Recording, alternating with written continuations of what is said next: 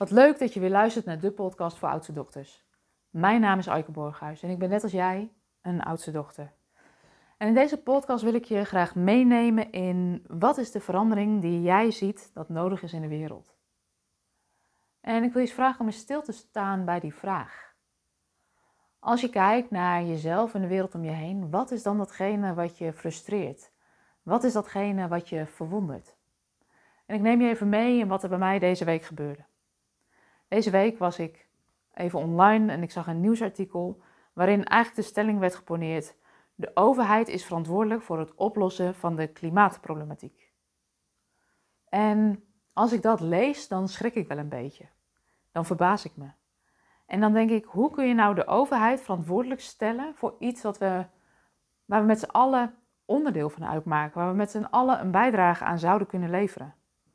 Hoe kunnen we nou ehm, ja, niet nadenken over de gevolgen van ons gedrag op de lange termijn?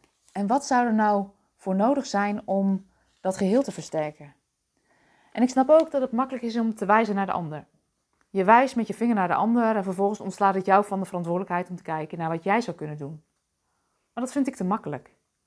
Ik geloof namelijk dat ieder mens daar iedere dag een steentje aan kan bijdragen. En als ieder mens dat zou doen, op zijn eigen kleine schaal, dan zouden de grote problemen waar we nu mee geconfronteerd worden, nu en op de lange termijn, voor de aarde minder groot worden. En als ik naar mezelf kijk, heb ik ook in mijn jonge jaren gedacht dat datgene wat ik kon doen geen invloed zou hebben. Dat het maar een druppel op een gloeiende plaat zou zijn. Maar als we met z'n allen het besef of de verantwoordelijkheid nemen voor dat deel waar we zelf wat in zouden kunnen doen, dan geloof ik dat, het, dat we daarmee wel het verschil kunnen maken. En ik zie dat nu ook gebeuren om me heen, dat als ik uh, zie wat er met die energieprijzen gebeurt, die ineens gigantisch ja, stijgen, dan raakt dat vooral de mensen met een lagere inkomens die in woningen wonen die slechter geïsoleerd zijn. En wat ik nu zie is dat er allerlei maatregelen worden getroffen om die mensen financieel tegemoet te komen. Maar ook dit, het um, geven van geld aan mensen die het nodig hebben, lost volgens mij het probleem niet op. We blijven symptomen aan het bestrijden.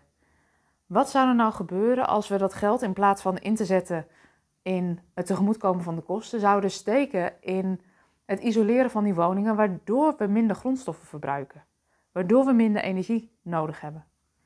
En hoe ik vanuit mijn systemische bril kijk naar problemen. Ik zie problemen als symptomen. En dat betekent dat we niet inzoomen op wat is er nu nodig om een probleem op korte termijn op te lossen, maar dat we eigenlijk uitzoomen en kijken wat zou nou op termijn een duurzame oplossing zijn voor die wereld als geheel. Dus een vraag voor jou om vandaag eens mee te nemen je dag in. Wat kun jij vandaag doen om jouw bijdrage te leveren aan dat geheel, aan de planeet waarop we met elkaar samenleven en samenwonen? En dat kan klein zijn.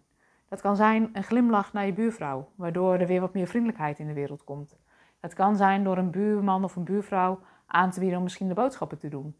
Het kan zijn misschien een extra trui aan vandaag en de verwarming wat omlaag, zodat we minder grondstoffen verbruiken.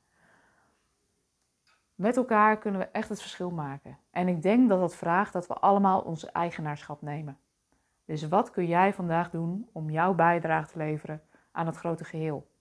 En ik ben benieuwd wat dat voor jou is. Dus mocht je het met me willen delen, dan vind ik dat leuk om te horen. Stuur me dan een berichtje via de website www.oudstedochter.com. En ik ben heel benieuwd naar de ideeën die we met elkaar kunnen verzinnen. En misschien maak ik er dan wel een nieuwe podcast over, over al die ideeën over wat we zouden kunnen doen. Ik ben heel benieuwd. Een hele fijne dag vandaag en uh, we horen elkaar graag. Mocht je deze podcast nou leuk vinden, abonneer je dan. Dan ontvang je morgen weer een nieuwe dosis inspiratie. En uh, voor nu wens ik je een hele fijne dag.